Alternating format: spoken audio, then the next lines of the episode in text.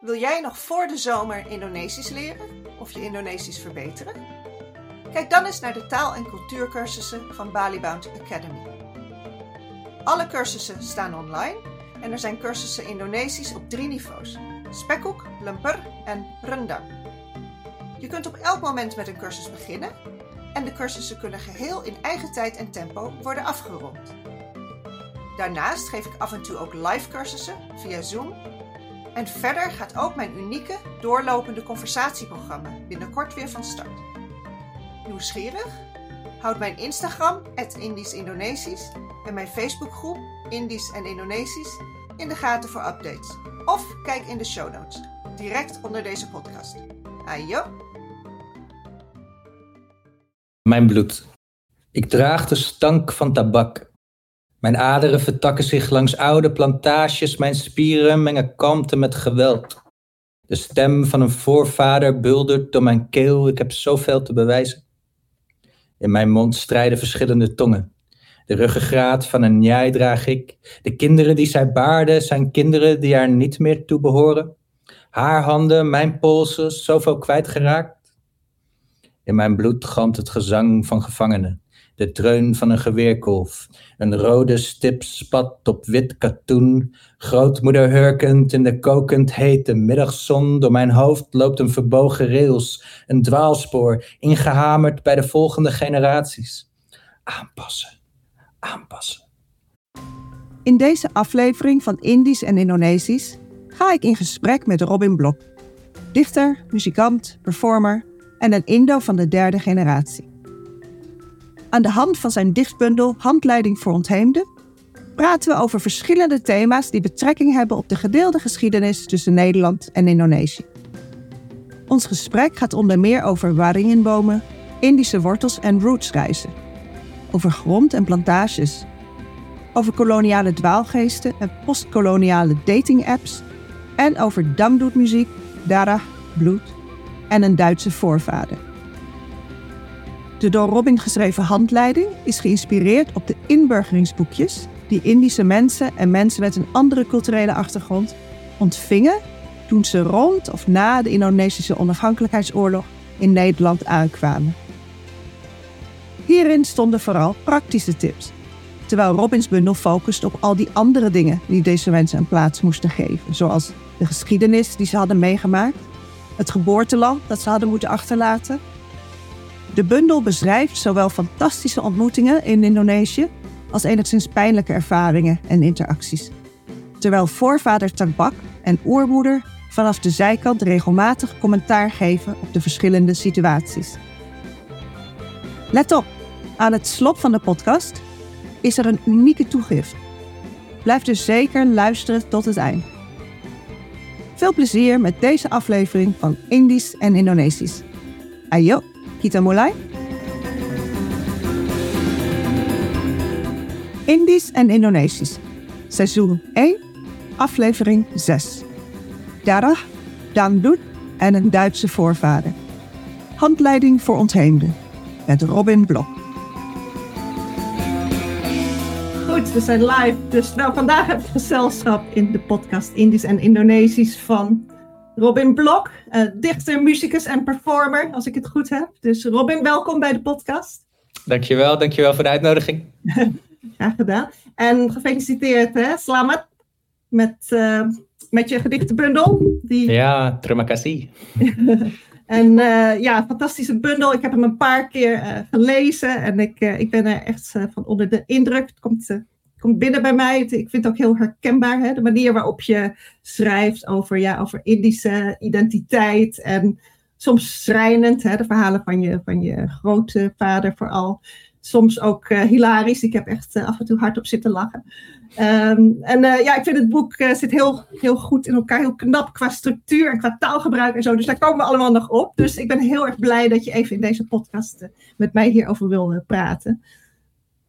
Ja, leuk. Dank je voor de uitnodiging. Ja. En uh, ik moet natuurlijk ook even je vader bedanken, hè? Pa Fred, mijn cursist, die ons aan elkaar heeft voorgesteld. Dus pa Fred, als je luistert, en natuurlijk luister je, dan uh, terima kasih banyak hè, voor, de, voor de introductie. Dankjewel, ouwe. Goed, voor we, over, voor we over de bundel komen te, te spreken, hè, zou je jezelf kort willen introduceren bij de luisteraar? Ik heb al het een en ander gezegd. En misschien in een paar ja, zinnen kunnen vertellen, als dat mogelijk is, in een paar zinnen, ja, waarom je deze bundel geschreven hebt. En misschien ook een beetje over je band eh, met Indonesië. Nou ja, wat, wat jij al zei, ik, ik uh, werk al heel lang als, als dichter en als muzikant en als uh, theatermaker. En op een gegeven moment werd ik steeds vaker gevraagd, ook voor, voor programma's die gingen over de gedeelde geschiedenis van Nederland en Indonesië. Dat was dan bij Brombeek of uh, Indisch Herinneringscentrum of de Tongtong. En een beetje tegelijk daarmee ging uh, mijn vader, waar we het net over hadden, met pensioen. En toen zijn we samen ons gaan verdiepen in, in onze familiegeschiedenis. Zijn we de archieven ingedoken, hebben familieleden gesproken van, goh, wat is er nog te vinden? En dat heeft uiteindelijk ook geleid tot een uh, soort van rootsreis die we samen hebben gemaakt. Waar we ook weer familie hebben teruggevonden. Dat uh, komen we misschien straks ook nog op. Want er zit een, uh, ook zo'n een dergelijk soort scène in het boek. En uh, dat heeft eigenlijk heel veel geopend. Ja, het, het, het, opent ook een hoop vragen natuurlijk over van, goh, wat, wat hebben mijn grootouders, mijn vaders ouders wel of niet verteld? wat is er nog te vinden in Indonesië? Wat is er waar van al die mooie idyllische verhalen en wat is er niet verteld van de verhalen waar ze het liever niet over hadden. Als je, dan heb je het natuurlijk over Jappenkampen en, en de periode daarna. Dus eigenlijk uh, elke vraag uh, die we hadden, ja, de antwoord daarop was weer twee nieuwe vragen. En, en langzaam vertakte dat in een heel groot onderzoek. En af en toe denk ik zelfs van, goh, wordt het niet eens tijd om weer eens iets anders te gaan doen. Eh, maar ik blijf het interessant vinden, omdat, omdat het zo'n gelaagde geschiedenis is. En omdat er zoveel in samenkomt. Je hebt, je hebt op, op, op, het allergrootste niveau heb je natuurlijk die hele koloniale geschiedenis. Als je verder inzoomt, heb je familiegeschiedenissen. En die twee, die echo elkaar ook. Hoe, ja, het, het, gebeurt heel snel dat je via een persoonlijk verhaal bij die grote geschiedenis komt. En als je het over die grote geschiedenis hebt, dan kom je heel vaak ook weer uit bij persoonlijke verhalen. Dus ja. Dat, ja. ja. Maar dat doe je heel, heel, heel duidelijk in de bundel. Dat je inderdaad de koloniale geschiedenis heel, heel persoonlijk maakt. Dat, uh, dat spreekt mij heel erg aan.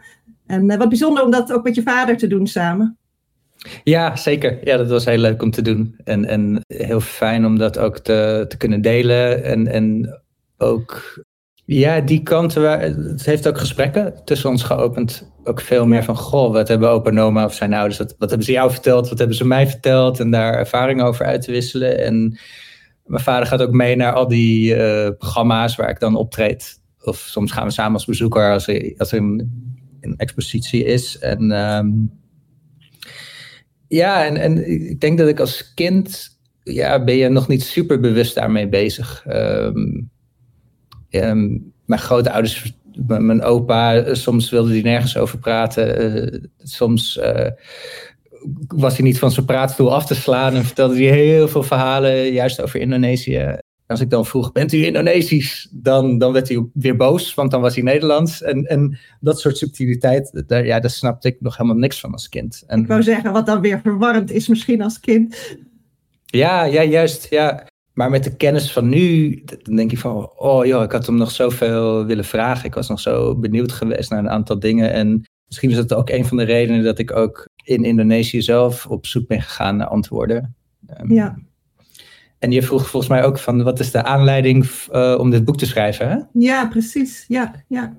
Ja, ik kan even laten zien. Het boek heet Handleiding voor Ontheemden. En, en dat slaat deels op de inburgingsboekjes. De mensen die naar de onafhankelijkheid van Indonesië naar Nederland kwamen, die, die ze in hun handen gedrukt kregen. En boekjes is zelfs een groot woord, want het waren een soort van stenseltjes die langzaam werden aangevuld van, ja. van de huishoudelijke federatie. En het zijn hele betuttelende, goed bedoelde, maar ja. ontzettend betuttelende boekjes.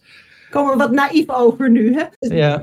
Ja, want je zet er wat uh, stukjes van, uh, zeg maar, die zijn gelardeerd door het boek heen.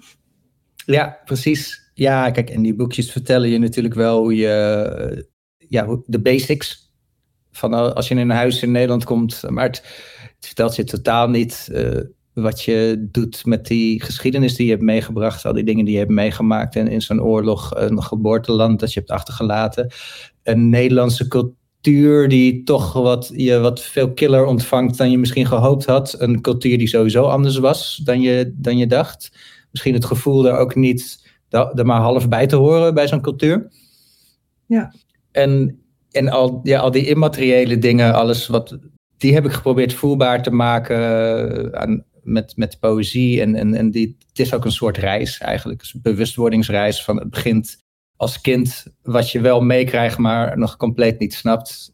Tot en met uh, zelf dan heel, heel vaak naar Indonesië gaan en, en te proberen om alles in veel meer in, zo'n context te plaatsen. Dus de handleiding voor ontheemden is eigenlijk van ja, um, ik heb een soort handleiding willen schrijven, juist voor goh, wat doe je met al die andere dingen, die niet tastbare dingen, die toch wel in je, in je familiesysteem zitten, in je familiegeschiedenis, in je, in je bloed, letterlijk.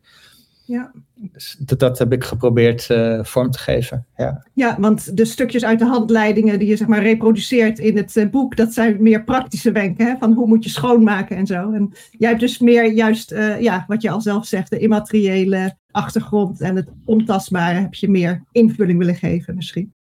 Ja, precies dat. En ik heb ook natuurlijk geprobeerd om die stukjes in een nieuwe context te plaatsen. Zodat je, je hebt ook energetisch schoonmaken van, van dingen. Ja, ja.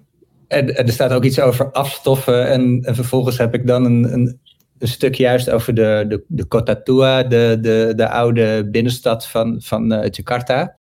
Wat betekent dat qua, qua stof? Hoe, hoe, leeft die, hoe, leeft, hoe leeft die geschiedenis voort in gebouwen en in de mensen die er nu wonen? Vaak ja. uh, illegaal zelfs.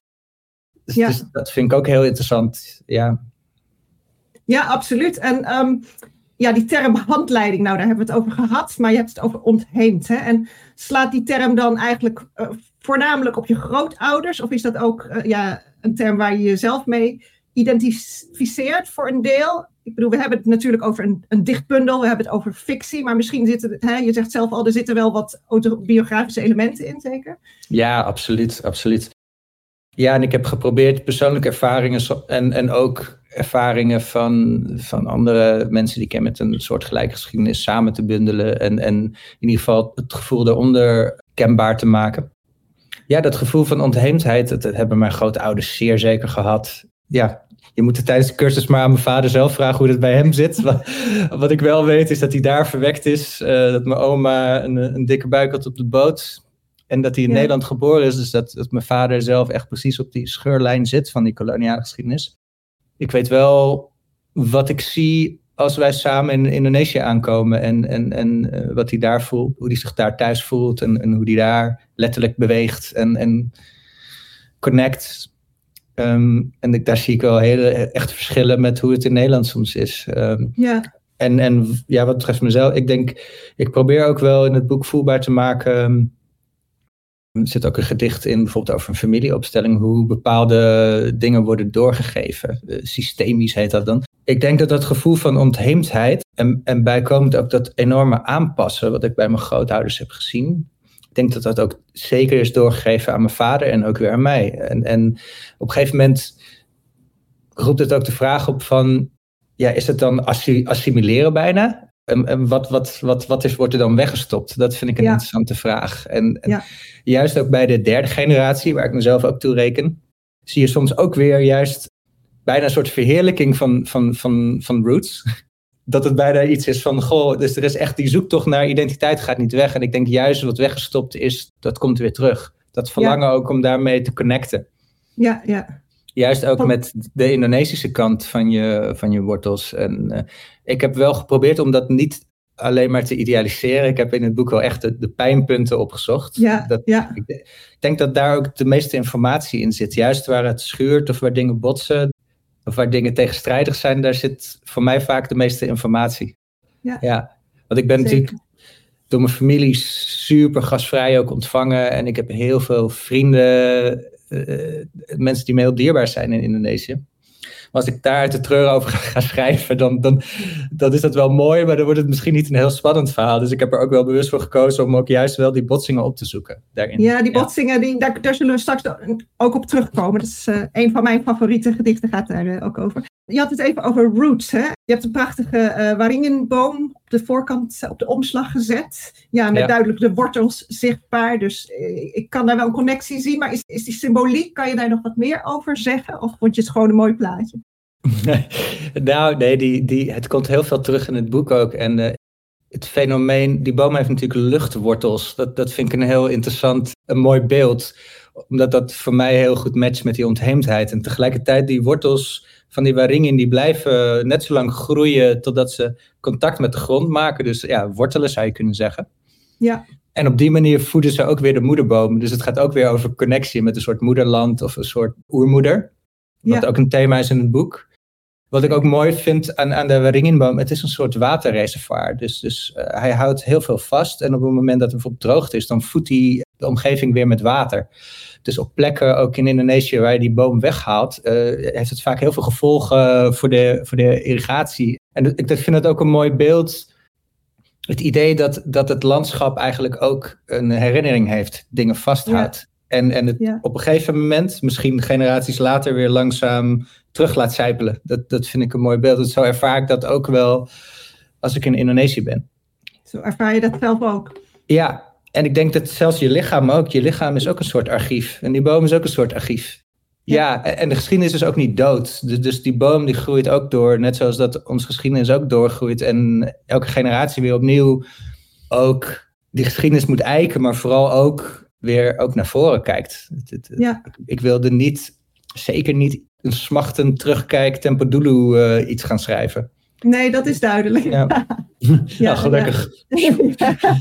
Ja. ja, ja. zeker, zeker. En ja, je hebt het over uh, Roots. Hè? En uh, een groot deel van het boek gaat natuurlijk over de Roots uh, reis. Hè? En, Het zijn geloof ik 74 of zo, in ieder geval meer dan 70 gedichten. Hè, waarin je jouw zoektocht beschrijft. Maar ook soms de worsteling hè, met de Indische identiteit. Soms is dat hilarisch, andere keren is dat toch een beetje pijnlijk misschien.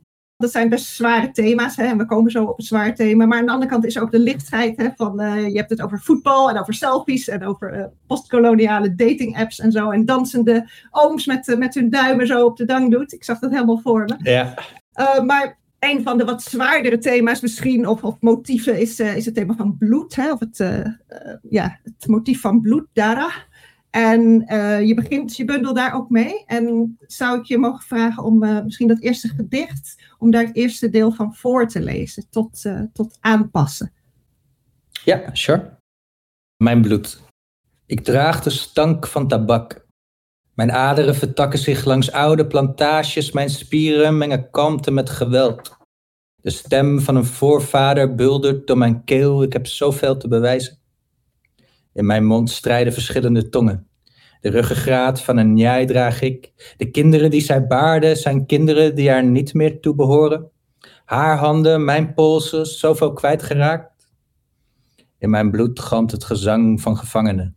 De dreun van een geweerkolf. Een rode stip spat op wit katoen. Grootmoeder hurkend in de kokend hete middagzon. Door mijn hoofd loopt een verbogen rails. Een dwaalspoor, ingehamerd bij de volgende generaties.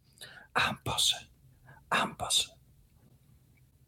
Tot daar dankjewel, dankjewel. Ja, dat beeld, hè? we hebben het over water en zo. Je lichaam bestaat natuurlijk ook voor een groot deel uit water. Maar dan het bloed, dat je natuurlijk het bloed van koloniale voorouders in je hebt stromen. Maar ook dat van, van Indonesië, hè? Dat, uh, van, een, van de Indonesische oermoeder, die ook een hele prominente rol heeft in, jou, uh, in jouw boek. Uh, En later komt het ook nog terug, dat thema van Dara, in een ander gedicht over het volkslied van Indonesië. Hè? Ja. Tanah Tumpah Darahku, dus het land als het ware waar mijn bloed gevallen is. Je had het al eerder over dat misschien opzoeken van, van pijnpunten of van waar het wat ongemakkelijk wordt. Er is een situatie waar het Indonesische volkslied dan wordt gespeeld en je zingt niet mee. Kan je daar iets over ja, zeggen? Over, kun je dat toelichten? wat voor soort gevoel dat was misschien. Ik snap natuurlijk dat je niet meezingt, je bent niet Indonesisch, maar... Er zijn een aantal situaties in het boek waarin de verteller misschien net het idee heeft van nou, uh, fijn, ik hoor erbij, we zijn hier samen en dan gebeurt er iets waardoor dat compleet omdraait. En één situatie is inderdaad dat je in een theater is en dan uh, komt er een kinderkoor en die, uh, iedereen moet opstaan en het volkslied wordt gezongen.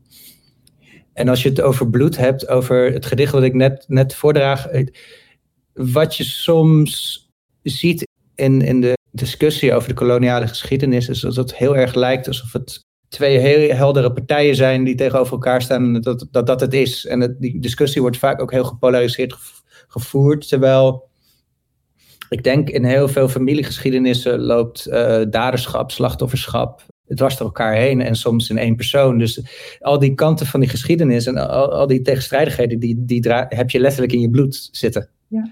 Dus, dus dat wil ik voelbaar maken. En dat gaat verder dan wat je misschien in schoolboeken leest, waar, waar vaak meer een nationalistische agenda is. Dus dan gaat het over landen en vlaggen en over waar je je bloed vergoten hebt. En ook in Indonesië zie je dat de geschiedschrijving heel, heel lang gedomineerd is geweest door het militaire apparaat. Dus ik, ik heb altijd hele gemengde gevoelens daarbij. Net zoals natuurlijk bij de India-herdenking heb je nog steeds dat Van Heuts regiment. En bij dat, bij dat volkslied of bij, bij, bij dingen met vlaggen, daar begint dat bewustzijn te jeuken. Want het is ook een manier om. Het is een manier om dingen af te bakenen, maar ook een manier om, om buiten te sluiten. En, en het, het, het, het, doet niet altijd recht aan de gelaagdheid. En bloed beweegt net als water, beweegt door alles heen, door landen en door vlaggen. Ja. En, en ik denk dat grond uh, naast bloed speelt ook een groot thema in de bundel. Want dat is natuurlijk, grond is waar het misschien de, eerst, de, de eerste bezetters uh, van Indonesië omging. Grond is waar de plantages waren. Grond is waar voorouders begraven liggen. Grond is waar vlaggen ingestoken worden. Maar grond is ook iets wat geeft en bloeit en weer op een nieuwe manier vruchtbaar kan worden. Dus, dus al die verschillende lagen spelen daar ook een rol in ik heb wel echt geprobeerd dus voorbij, voorbij landen te, te denken hierin. Ja, ja. Heel belangrijk, denk ik, die, inderdaad, om die gelaagdheid te noemen. En dat het niet zo zwart-wit is uh, allemaal. Het is een, eh, een complexe discussie natuurlijk. Ja, ja. Um, in de bundel maken we, maken we kennis met verschillende personages. Hè? En een van die personages is, is, uh, is de opa van de ik-persoon. Ja. En het wordt duidelijk dat hij wel een aantal traumatische ervaringen heeft uh, opgedaan, heeft meegemaakt uh, ten tijde van de Japanse bezetting.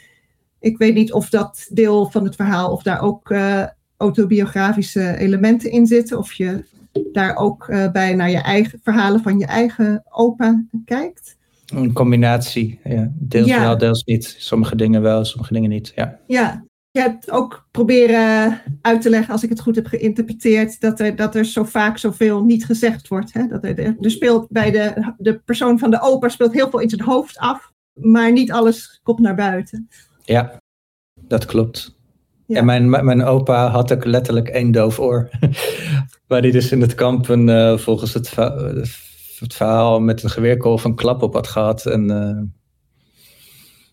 en dat vond ik ook wel een mooi beeld, omdat, omdat het soms leek alsof hij de helft wilde vertellen of de helft maar wilde horen. Het, het Oost-Indische doof, uh, ja, doofheid.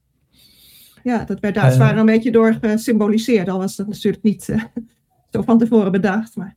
Ja, en, en stilte is een hele rijke taal, zeker in Indonesië ook. De, soms heb ik het idee dat er zelfs meer wordt gezegd door wat er niet wordt gezegd. Ja. stilte ja. heeft heel veel ladingen en betekenissen. En, en het is best moeilijk om in taal te vatten. Ook een beetje ironisch natuurlijk om dat te proberen. Maar ik heb dat toch wel geprobeerd om te doen. Zit ook ergens in die het gedicht over familieopstelling in de regel van uh, niet de knal, maar de patronen waar, waarin wij uiteenvallen. Dus soms, dan het gaat ook over die diaspora. Soms zie je, moet je aan de scherven zien af te leiden hoe groot de krater was, hoe groot de wond is. Ja.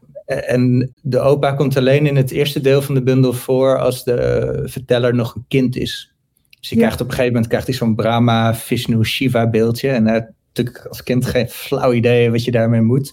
Dus hij, uh, hij vindt het ook maar een eng beeldje. Dus hij gaat het beeldje een beetje uitdagen. En tegelijkertijd zit daar ook heel veel geweld in verstopt. Hij gaat op een gegeven moment die ogen bekrassen met de pen.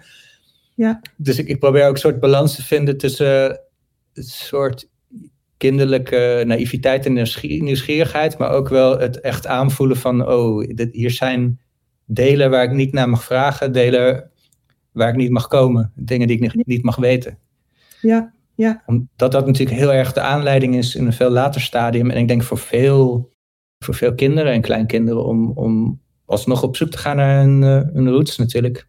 Ja, ja, ja, want op een gegeven moment dan uh, besluit de, de ik-persoon, die besluit ook om een uh, roetsreis te maken. Ja. Er is ook een mooi gedicht over, dat heet Beraad.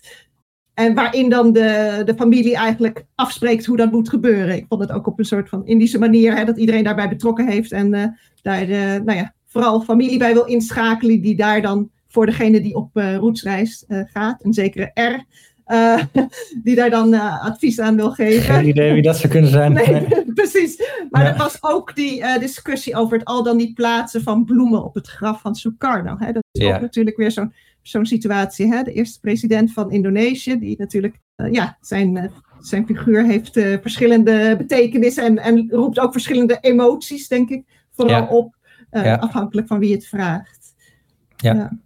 Heb je daar ook zelf ervaring mee met die discussie? Ja, zeker weten, want mijn eerste voorvader was een, een Duitse tabakshandelaar, die, die heeft zich gezetteld daar in Blitar. En Blitar is ook waar Sukarno begraven ligt en waar het Sukarno Museum, het Sukarno Museum is en waar je dus zijn graf kan bezoeken. Dus dit is wel een, zeer zeker een autobiografische episode. Ja. En nog over dat beraad, ja, dat is een soort stichtingvergadering voor voorouders. En dat vond ik wel grappig, om, om dat later in het boek ook dus die Europese voorvader, die tabakshandelaar en die voormoeder als een soort ja, Hera en Zeus, of als een soort die twee ja. Muppets op dat balkon, of een soort Bert en Ernie, lopen te kibbelen, en, maar ook commentaar geven. Op die, commentaar zo, ja. Op, ja, op die verteller en, en andere familieleden ook. En ik heb ook echt gezocht naar een soort meerstemmigheid. Uh, ook, ook om als een soort checks and balances, dat als ik dacht van, oh, nu wordt het te sentimenteel, dan komt er weer iets heel ontnuchterends van die, van die, van die voorouders. En als het, als het ergens te serieus wordt, dan maken zij weer een paar flauwe grappen. En, en, dus ik heb ook een beetje geprobeerd om, om zo dingen ook weer met elkaar te laten botsen. Dus in, eigenlijk in al, elk van die stemmen zit natuurlijk ook wel iets van mij of van mijn familie. En ik heb zo geprobeerd dus aan de hand van meerdere personages die gelaagdheid te brengen. En het, het, het eren en bewustzijn van je voorouders is zeker in Indonesië, maar op heel veel plekken in de wereld is dat een heel normaal en heel belangrijk uh, iets. En dat voel ik ook zeer, voel ik zelf ook zeer zeker. Ja. Uh, als, je die, als je je wortels wil zoeken, dan, ja, dan leid je dat terug naar je voorouders. Ik ben hier nu om wat zij daar toen hebben gedaan, heel kort door de bocht gezegd. Ja, ja, ja. Ik, voel ze ook wel als ik daar ben. Ik was onlangs voor een muziektour uh, op Java. Toen was ik in Surabaya, waar um, op Kembang een grote begraafplaats, uh, twee overgrootvaders liggen. En die tour was heel intensief. En ik wilde de eerste dag dat ik daar was, wilde ik eigenlijk al naar die begraafplaats. En ik verbleef ook in uh, Chiputra Shopping Mall. Dat is een heel, echt zo'n moloch van een shopping mall. En ik, die keek dus uit, mijn kamer keek uit op die begraafplaats. Maar omdat we zo'n intensief schema hadden, kwam ik er maar niet aan toe.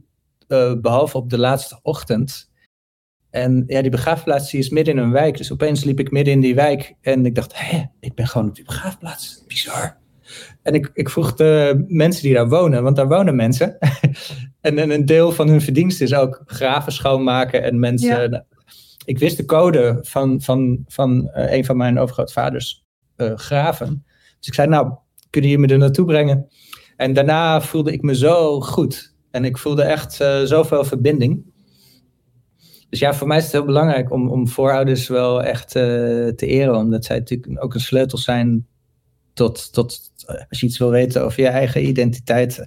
Over dat kleine blaadje dat jij bent. Dan, dan moet je via dat twijgje naar dat takje uiteindelijk terug naar de stam en de wortels. Dus en Ja. dat, zijn, dat zijn je voorouders, ja. Ja, ja, en dat is misschien het personage de Susilo, hè, die de graven onderhoudt. En eh, ja, ook met een soort van aura van mystiek is omgeven. Die eh, bezig is met die begraafplaatsen, denk ik. Of... Ja, ik heb super veel lol gehad met dat personage, omdat hij, hij, hij is een soort onderwereldfiguur, dus er kleeft ook wel wat act of killing uh, energie aan hem, zeg maar. Dus je zou ook, en ergens zou je ook kunnen zeggen dat bepaalde rijke Indonesiërs eigenlijk een beetje de rol van zo'n koloniale Europeaan hebben overgenomen. Dus dat heeft hij in zich.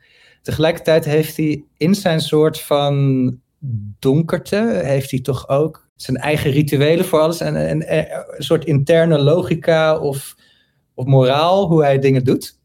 Ja. Dus ergens is het ook een wraakgeest voor, voor mensen die corrupt zijn. dus, dus, en, en het is ergens ook gewoon een conciërge die eh, als grondgids de taakjes uitvoert voor die voorouders die natuurlijk ergens in de ether eh, zich begeven. Ja, je hebt ook wel een zwak een beetje voor dit personage misschien. Ja, ja juist omdat het, omdat het een beetje een donker, heel aards personage is. Ik vind het een, heel grappig, interessant contrast. Dat het ergens ook best wel een lomp figuur is. Maar tegelijkertijd hele belangrijke bovenaardse taken toebedeeld krijgt. En dat soms ook op een hele knullige manier doet. Dan is hij ergens op een begraafplaats. Dat is gebaseerd op uh, Taman Prasasti. Dat is een oude koloniale begraafplaats. Ehm, en dan loopt hij zich weer te irriteren. Oh, dan heb je die koloniale dwaalgeest weer. Ik probeer even mijn werk te doen. Weet je wel? ja, ja, ja. ja. Zo de mythe erop met je geschiedenis. Dat vind ik gewoon een grappig beeld. Het is bijna een beetje uh, Coen Brothers-achtig uh, idee of zo. Van, ja. Ja, ja, ja, ja. Want dit was in Surabaya, hè? Ja. Ja, want in je boek komen een aantal locaties voor, hè? vooral dan uh, Jakarta, Surabaya en, uh, en Bali. En Bali, de je beschrijving van een koffietentje en de mensen die je daar tegenkomt, daar heb ik onder andere erg moeten lachen. Dat vond ik erg herkenbaar ook. Maar ik wil het vooral hier dan even over Jakarta en, en Surabaya hebben. Want nou, je, je zei al even iets over Surabaya en daar komen we zo op terug. Maar mm. ja, heel veel mensen slaan Jakarta over. Hè? Ik zag laatst op de BBC dat het ook de meest vervuilde stad is uh, in de wereld op dit moment. Ja, er is altijd van alles. Er is heel veel lawaai en zo. Wat was jouw uh, ervaring met uh, de Big Durian, hè, noemen ze het? Ja. De eerste twee keer dat ik in Indonesië was, heb ik hem ook redelijk rap overgeslagen. Even behalve de, de bekende dingen als de Monas en, en, en zo. Um, maar het is ook zoals de Indonesische dichter Gunawan Mohammed zegt ja, the city you love to hate, hate to love. En ik heb nu heel veel vrienden daar en, en, en ik hou ook van die stad. Ik hou van al die tegenstrijdigheden. Ik hou van die chaos. Ik hou van die energie die er is. Ja. In Indonesië is het altijd maar, het, uh, het lijkt soms alsof de slogan van Indonesië is, uh, het kan net, maar het kan. Dat gevoel heb ik altijd in Indonesië.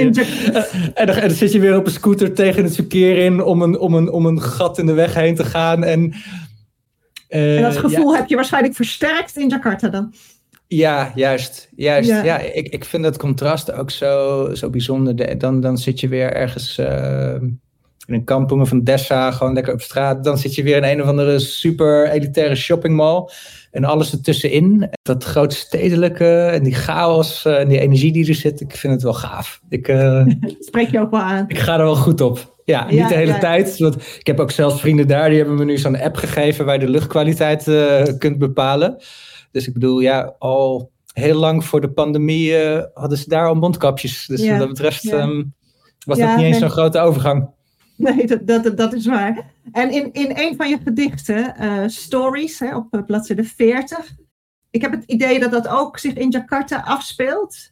Maar dat hoeft niet. Uh, het zou kunnen. Ik kreeg meteen het beeld van Museum Fatahila. Vanwege alle schilderijen van de belangrijke personen uit de revolutie en dergelijke die je beschrijft. En ja. op een gegeven moment heb je een soort van interactie met een schoolklasje. Hè? En ik kan het niet zo mooi voorlezen als jij, maar ik zal het toch proberen ze hebben me zien lachen. Nu word ik onder schot gehouden door een peloton schermpjes. Ik laat mijn handpalmen trillen, rol met mijn ogen, knak als een dorre tulp voorover. Dit lijkt tot veel geschreeuw en vriendschapsverzoeken. Wat gebeurde hier? Kan je dat, eh, kan je dat uitleggen? Ik vond dat zo'n mooi, mooi beeld ook. Het is een soort combinatie inderdaad van Museum Fatahila en een klein beetje Museum Nationaal het gaat ook heel erg over. Indonesië is een van de grootste internetlanden in de wereld. En het is ook natuurlijk het land met, met een hele jonge bevolking. Volgens mij, ik, weet het niet helemaal zeker, maar iets van 40% van de Indonesiërs is onder de 30. En dus die internetcultuur is een heel, heel sterk aanwezig ding in, in, in, in Indonesië. Alles gaat ook via WhatsApp, uh, veel meer dan via e-mail of zo. Ook hele dingen die je normaal in Nederland wel via mails doet. En het speelt een beetje dat gedicht met dat geschiedenis iets heel onschuldigs en vermakelijks is. En wel lachen. En, en ook van uh, iets om mee te spelen. Dat doen die kinderen ook. Op een gegeven moment uh, zien ze mij lachen. Dus dan krijgen we ook een soort verstandhouding. En dan is er een soort connectie, een toneelstukje. Maar op een gegeven moment is die verteller is ze ook even kwijt, het klasje. En dan zijn ze al letterlijk en figuurlijk richting de revolutie gelopen. En dan kom je in één keer in een heel ander deel van de geschiedenis, dat heel beladen is. En dan wordt het donkerder en dan voel je ook veel meer agressie daarin zitten. Dan roepen ze ook met z'n allen, Merdeka!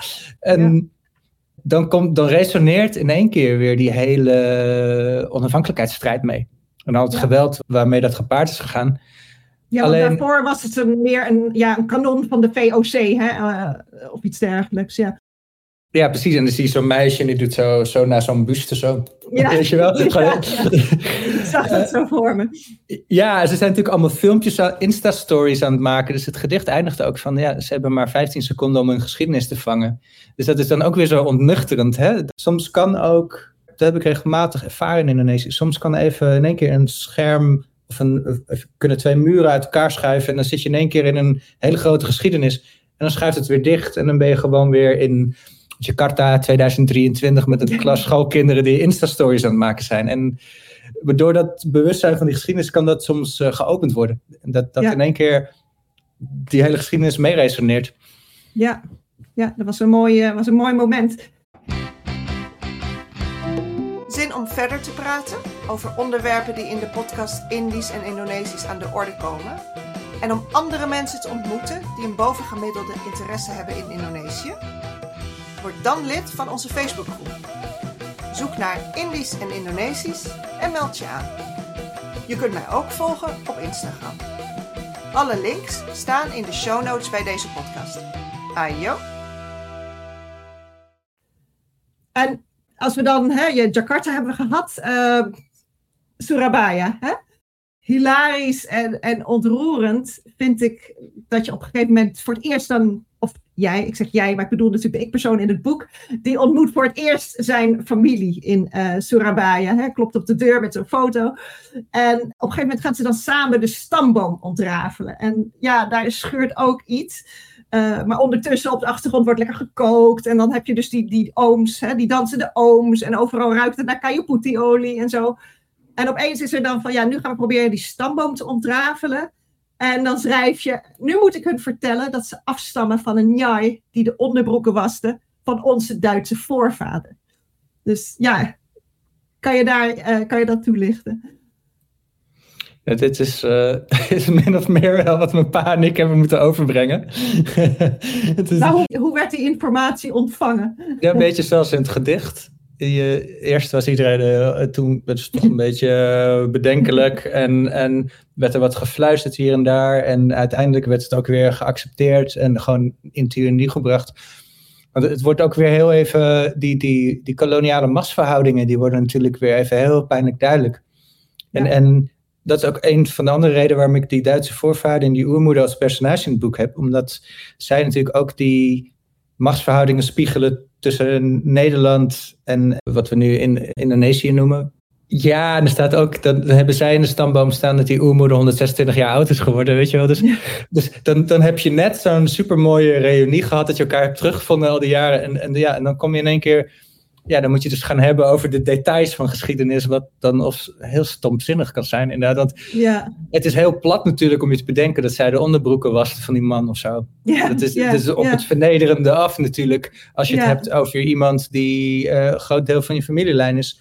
En het rekent ook nu wel een beetje af natuurlijk met al die, dit zie je vaak bij Indische families, dat ze dan zeggen, ja, we stammen af van een Javaanse prinses. Of eh, ja, de getinte kinderen, dat is omdat we Portugese voorouders hebben. Dus het gaat ook eh, heel erg over eh, wel gewoon onder ogen zien wat die machtsverhoudingen waren. Er zit ook een vrij wrange advertentie voor een, eh voor een njai, voor een huismeid slash concubine in.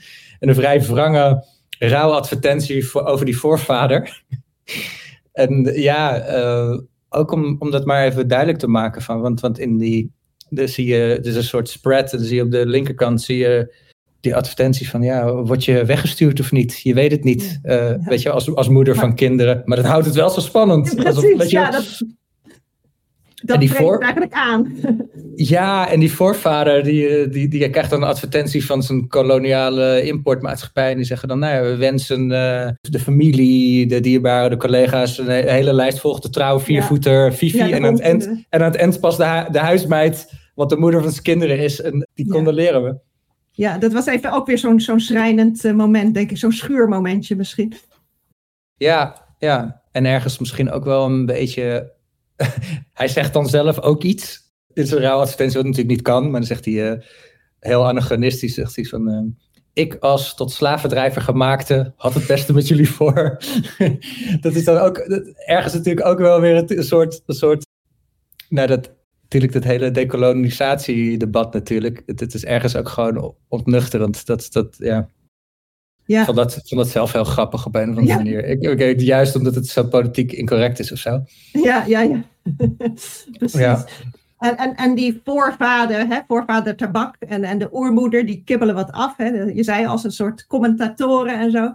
Maar op een gegeven moment lijkt het of, of de ja, of er een soort doorbraak is en of die uh, oermoeder boos wordt. Hè? En dan zegt ze iets als, want dan gaat het ook over de roetsreis hè, van, de, van de persoon R. En dat hij uh, een beetje moet oppassen, anders struikelt hij nog over zijn wortels en zo.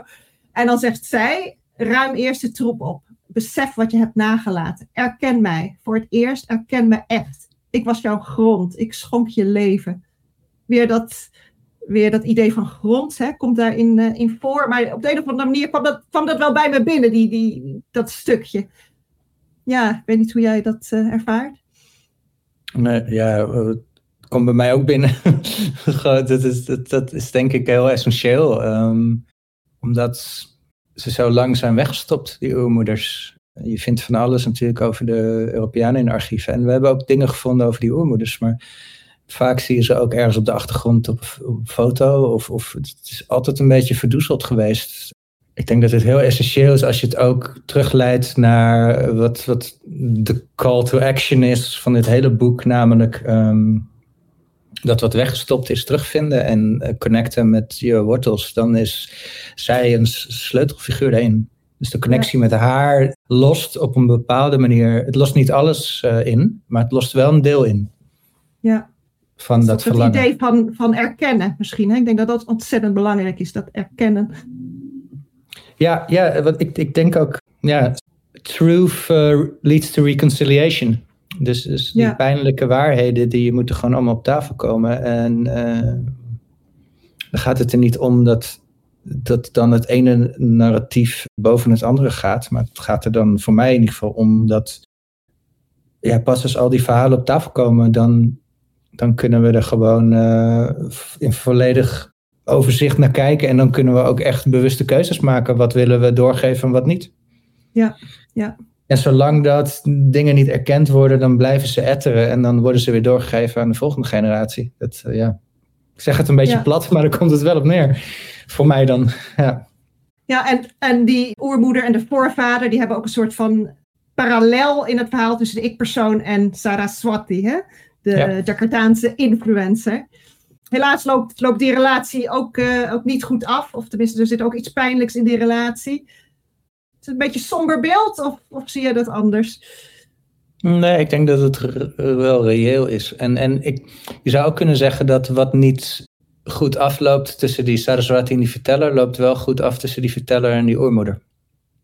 Ja, en die Saraswati, je, je refereerde net al even aan. Ik introduceer aan de hand van een soort. Uh, het gedicht uit postkoloniale dating app. En daar heb ik een beetje geprobeerd om die oude um, ehm, KJL-TV-foto-beschrijvingen te mengen met Instagram-beschrijvingen. Dus elke keer denk je dat er iets heel koloniaals komt. En dan komt er in één keer een moderne Indonesische vrouw. die zichzelf ook tagt, onder andere als uh, Nyai 3.0. Ja.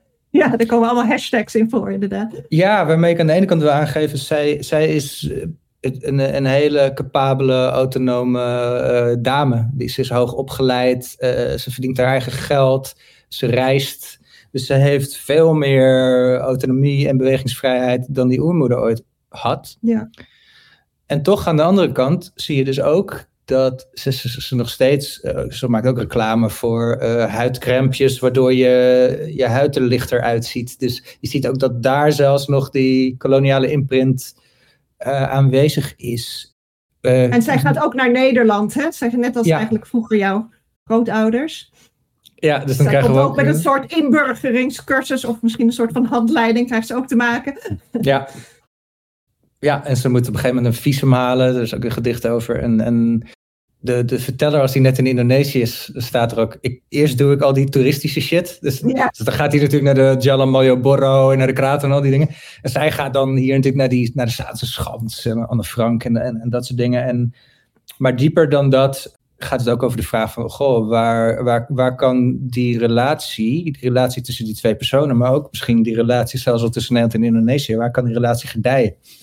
Ja. Ehm, en misschien is dat niet een land of een vlag, maar is dat gewoon meer een soort ruimte of een soort manier van communiceren.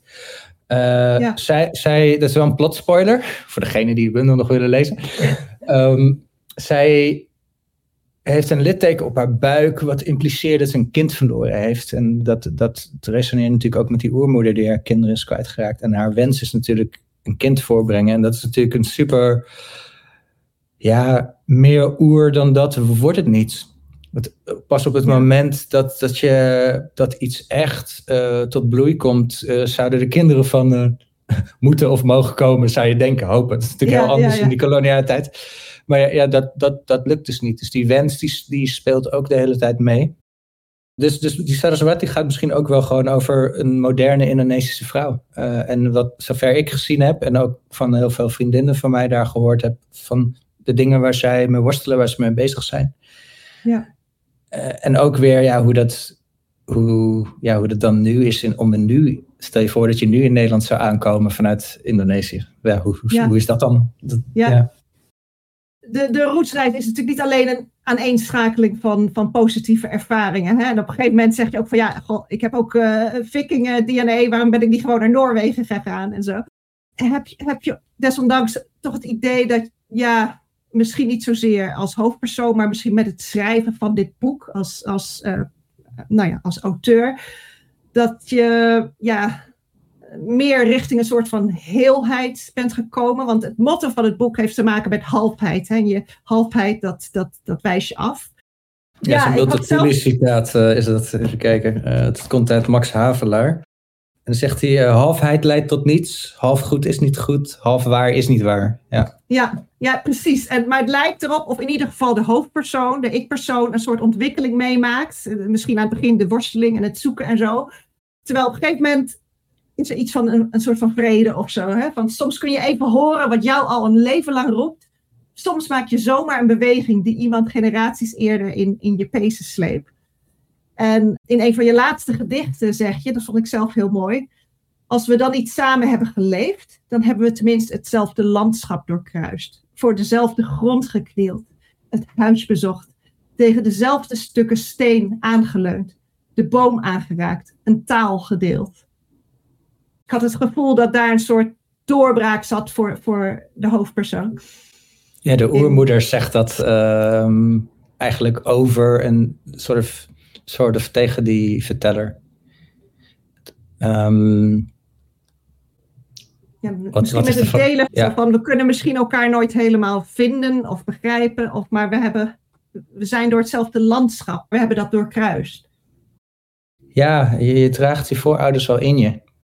Wat ik heel erg ook ervaar als ik in Indonesië ben, is bijna alsof een soort ander genetisch programma aangaat. Andere lampjes beginnen te branden. ik, ik praat anders, ik, mijn motoriek wordt anders. En je lichaam is ook, je lichaam is ook een archief. Dus ja, we hadden het eerder al over bloed. Dat is natuurlijk ook zo'n beladen. Dat- hoe noem je iets? Noem je iets halfbloed, dubbelbloed, rijkbloedig, gemengdbloedig? En, en, en uiteindelijk zat voor mij iets van heling en inlossing in het, in het contact maken met die kant, met, met, de, met de Indonesische kant, met het land, met cultuur. En ook dat wat weggestopt is, gesymboliseerd door die oermoeder, weer terughalen, inclusief haar naam. En ik denk ook in een soort acceptatie van, ja, misschien wel een hybride vorm. Wat betekent, dus, dus, dus dat betekent niet dat je tw- twee keer een, een half bent of iets. Of eh, acht keer een achtste of zo. Maar gewoon dat je, dat je die hele hoeveelheid aan, aan verhalen en, en personen en geschiedenissen die je in je draagt, dat je dat gewoon letterlijk in je opneemt en accepteert. Ik denk dat dat, dat eigenlijk de hoogste vorm van integratie is. Zelfacceptatie eigenlijk. Ja, het, het klinkt Ja. als een open deur, maar het, het, het, het heeft mij toch best wel eh, een hele reis gekost om, om ja, had to go a long way round to come back short, zeg maar. Ja, ja, ja, ja, Dus, ja. ja. ja. En ehm, taal speelt ook een hele belangrijke rol, denk ik, in de bundel. Hè. Je formuleert zelf heel precies. En er wordt ook Indonesisch gebruikt in de bundel. Hè. En er is ook een verklarende woordenlijst. Was het belangrijk voor je om ook het Indonesisch te laten doorklinken in je gedichten? Ja, zeker. Ja, ook om. eh, ik, wat ik sowieso wilde voorkomen is dat je van die eh tempo dulu spelling krijgt van woorden, want dan wordt het al snel. kan het iets ehm, orientalistisch krijgen of zo.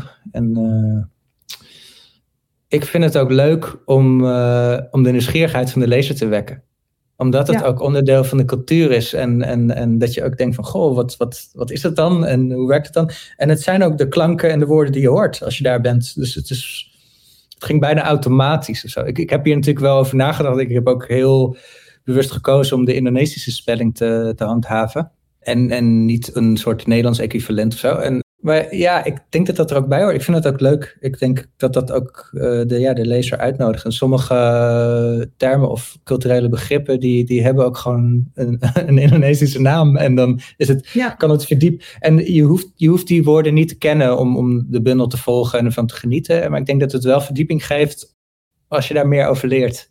Ja, absoluut. En Ja. eh, ja, Indonesisch is gewoon een prachtige taal. Het- Hoe belangrijk is dat, is dat voor jezelf om ook eh, je, nou ja, voor een deel in het Indonesisch te kunnen uitdrukken? Super belangrijk. Het, het opent alles. En het is ook een prachtige taal om in te zingen, trouwens. ik heb soms liedjes eerst in het Engels gemaakt en toen eh, met hulp van vrienden vertaald naar het Indonesisch. En dat ze gewoon mooier zijn in het Indonesisch. Ja. het- die taal is, is heel erg eh, ja, halus, zoals ze zeggen. Ja. Eh, zacht, verfijnd. elegant, verfijnd. Ja. En ik vind het ook een teken van, van eh, respect en elkaar tegemoetkomen. Ook als je je echt verdiept in een cultuur en in de taal. En ook echt probeert om op die manier te communiceren. En, en dan komen we ook weer bij die stilte waar we het eerder over hadden. Omdat Indonesisch natuurlijk een soort, Maleis oorspronkelijk een soort handelstaal was natuurlijk, eh, is het vrij makkelijk om de basics te leren. Alleen de culturele verfijning van hoe je de taal inzet en vooral wat er gezegd wordt door dingen die er niet gezegd worden, nogmaals, dat, ehm, dat vereist toch heel veel eh, verdieping en begrip en, eh, om, om dat allemaal goed te kunnen vatten. En ook omdat, Absoluut. denk ik, in Indonesië is natuurlijk een, een cultuur die denk ik veel meer van het collectief uitgaat en dat terug herleidt naar het individu. En als je dat met Nederlands vergelijkt, Nederlands is denk ik een meer individualistische cultuur waar je je eigen postzegeltje in een eh, dichtbevolkt eh, gebied eh, wilt verdedigen. En in Indonesië ja, heb je ook de gotong royong en, en dus, dus van, voor en door de community. helpen. Ja. Elkaar helpen. En aan de andere kant ook, denk ik, meer conflictmijdend zijn. Dat is dan de andere kant natuurlijk ervan. ja, Eh, dus die stilte, en dat merk je ook terug in de stiltes. De stilte kan, kan heel mooi zijn om, om iets gevoelsmatig te delen. Dan hoef je er geen woord aan vuil te maken. De stilte kan, zijn, kan letterlijk zijn dat je iemand anders ruimte geeft. Je geeft iemand ruimte om ergens over na te denken of iets te zeggen. Maar het kan ook conflictmijdend zijn in- die zin van... eh, ik zeg niks omdat ik je in je waarde wil laten... of omdat ik je niet wil tegenspreken... of omdat ik niet wil toegeven dat ik iets niet weet of zo. Dat, dat Ja. heb je ook. ja, Ik Ja. vind, ik vind het fascinerend. ja, ja. Maar dat is wel iets wat je, ja, wa- wat, wat je moet leren aanvoelen of zo. En wat ik in bepaalde gevallen nog steeds niet altijd eh, helemaal goed aanvoel hoor. dus ja. Maar Ja, ik herken het wel ook in de, in de Indische gemeenschap. Ja, ja. Nee, absoluut. Stilte en zwijgen. En het heeft inderdaad verschillende kanten natuurlijk. Positief en misschien ook af en toe negatief. Ja. Nou, je hebt het even over het liedje. Eh, Misschien mogen we daar straks nog eh, van genieten.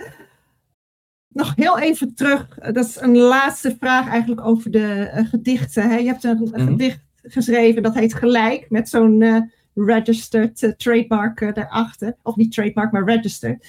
Ehm, en dat gaat denk ik, eh, zoals ik het heb geïnterpreteerd, over de vele stemmen in het debat. Maar ook over de claims die mensen leggen op de waarheid, op het gelijk hebben. Was dat een gedicht dat is het zeg maar gebaseerd op een persoonlijke observatie van je? Ik, eh, ik eh, ben echt een veteraan wat betreft dat soort programma's. Want ik heb bij zoveel van die programma's gezeten. Ook, ook met mijn vader onder andere. En wat ik in mijn ervaring heel vaak zie, is dat je je hebt een soort academische kant van de geschiedenis. En dat is heel erg het hoofd. Er is een soort onderbuik. Emotionele personen die heel veel hebben meegemaakt, die rechtvaardigheid willen voor bepaalde doofpot-issues of bepaald leed, wat dan niet is erkend of uh, laat staan uh, dat daar een, iets van een herstel voor geweest is. Maar het wordt niet altijd samengebracht in een soort van hart, om het zo maar te zeggen. En, en wat je dan ziet is dat, dat mensen echt compleet langs elkaar heen praten en dat er eigenlijk ook niet de behoefte is per se om die verschillende lagen met elkaar in verbinding te brengen, maar dat het er vooral om gaat dat er een soort angst is, ja, ik wil dat mijn uh, verhaal wordt gehoord en mijn narratief is eigenlijk belangrijker dan het andere. Daarmee wil ik niet zeggen dat alle, alle kanten altijd uh, maar even belangrijk zijn, want dan zou je iets, iets wegrelativeren. En je hebt bijvoorbeeld heel vaak dat heel lang een bepaald verhaal heel dominant is geweest. Dan is het super fijn en belangrijk dat die andere verhalen juist tegenwicht bieden. Ja. En ik denk ook dat activisme belangrijk is om soms iets wat dan het centrum is, wat dan het, het hoofdverhaal is, om dat wat meer een andere kant op te trekken. Daar is, daar is een wat extremere toon heel geschikt voor. Maar als dat dan eenmaal gelukt is, dan vind ik het wel belangrijk dat het ook wel echt het gesprek gevoerd wordt. Ja. En, en dat gebeurt heel vaak niet in zo'n heel gepolariseerd landschap. Ja, en dan zie je dus dat, uh, ja, dat persoonlijke verhalen die eigenlijk niet over de discussie gaan, dat woede over een heel specifiek thema en iemand die eigenlijk uh, heel erg op helikopterview geen gevoel heeft voor die andere twee verhalen, dat dat, dat compleet langs elkaar ingaat. En, en ja, ja. die beschrijving, het gedicht begint ook, het gaat over een bepaalde substantie die explosief is en kan verharden. En dat, dat is eigenlijk een oud, uh, oude beschrijving van Semtex. dat, dat, ex, ja. dat, is een explosief, uh, heel gewild, illegaal. Um, explosief materiaal waar met, met je hele kleine hoeveelheden kun je hele grote gebouwen al uh, opblazen. En zo zit dat soms ook met dat debat, denk ik. Het verhardt ja. heel snel en het wordt heel snel heel explosief.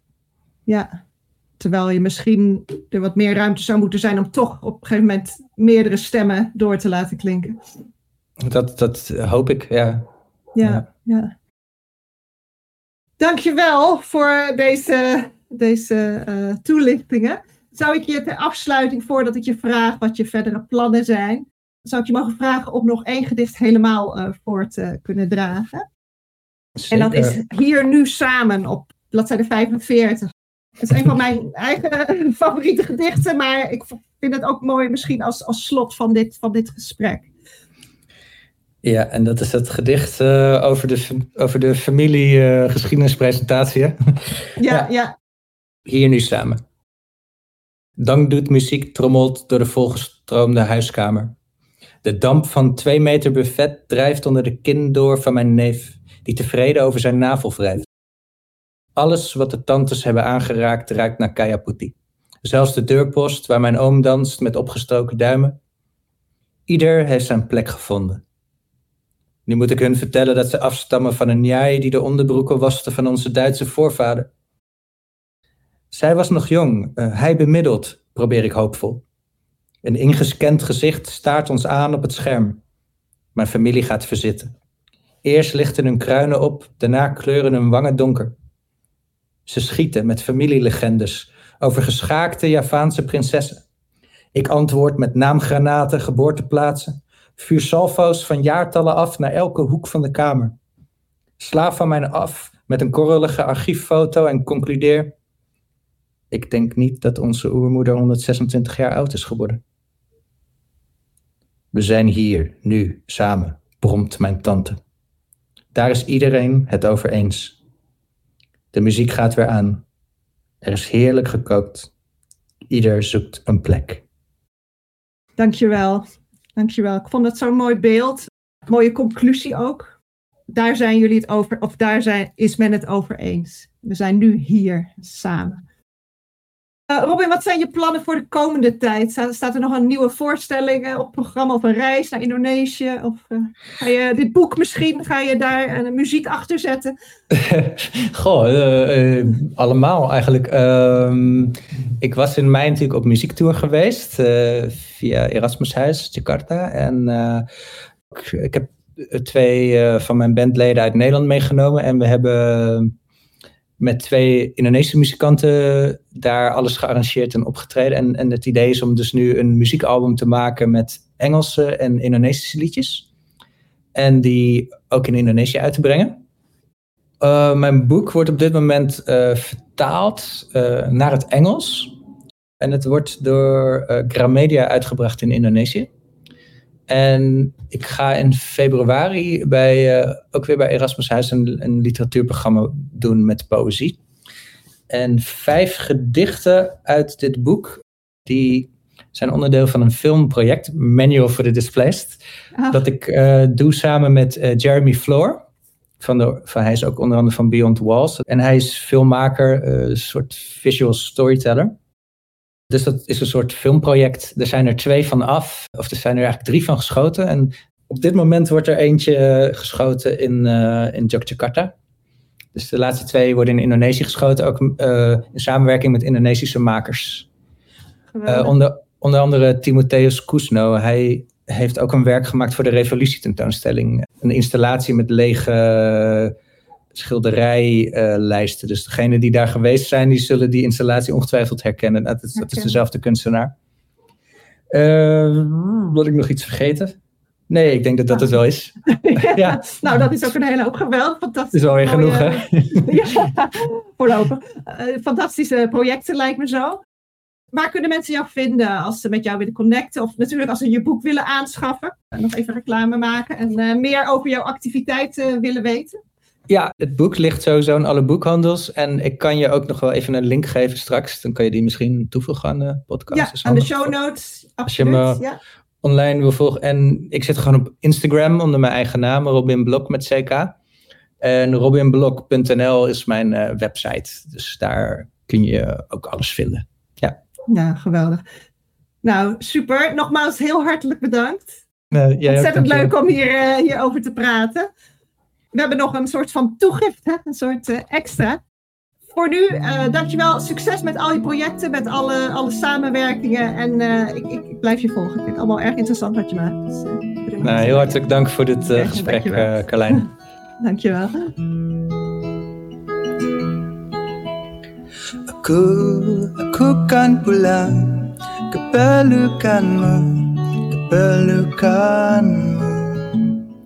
Percaya bahwaku di dalam lingkaran cinta. Ku kan menangkapmu saat kau jatuh.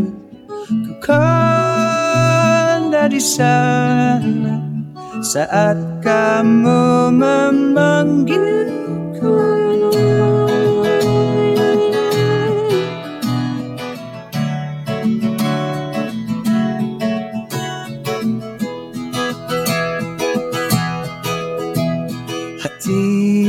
Hatiku kan pulang pelukanmu, ke pelukanmu Cahaya matamu menerangi hampa dunia. Kan menangkapmu saat kau jatuh. Kan dari sana saat kamu memanggil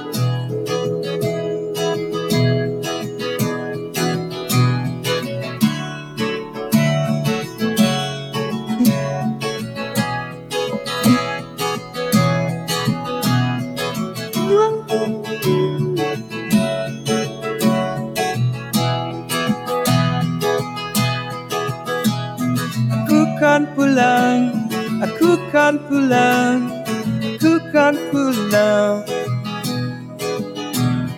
Aku kan pulang, aku kan pulang, pulang.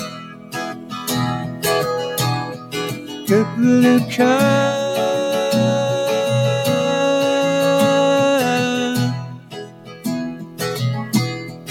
ke pelukan.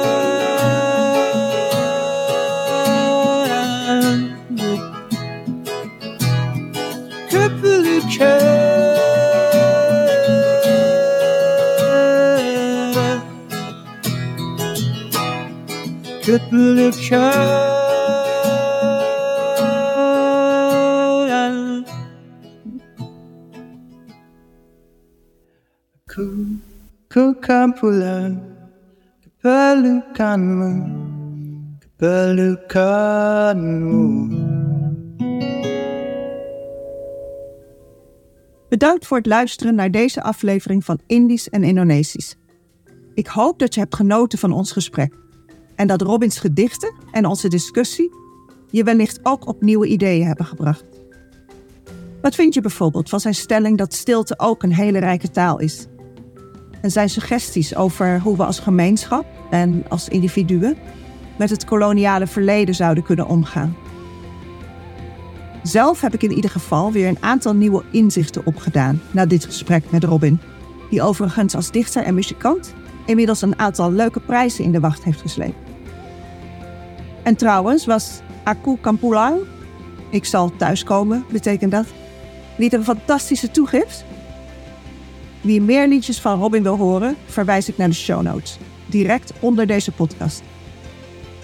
En daar vind je ook de in deze podcast gebruikte Indonesische woorden, die Janti nu nogmaals zal uitspreken.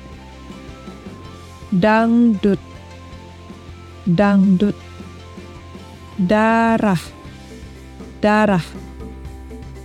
Gotong royong. Gotong royong. Halus. Halus. Kota. Kota. Kota tua. Kota tua. Merdeka. Merdeka. Nyai nyai tanah. Tanah. Tanah tumpah darahku. Tanah tumpah darahku. Tempo dulu. Tempo dulu. Waringin. Waringin Nogmaals bedankt voor het luisteren naar Indisch en Indonesisch. De podcast voor iedereen die interesse heeft in Indonesië met een focus op taal en cultuur. Terima kasih en graag tot ziens bij de volgende aflevering. Sampai jumpa!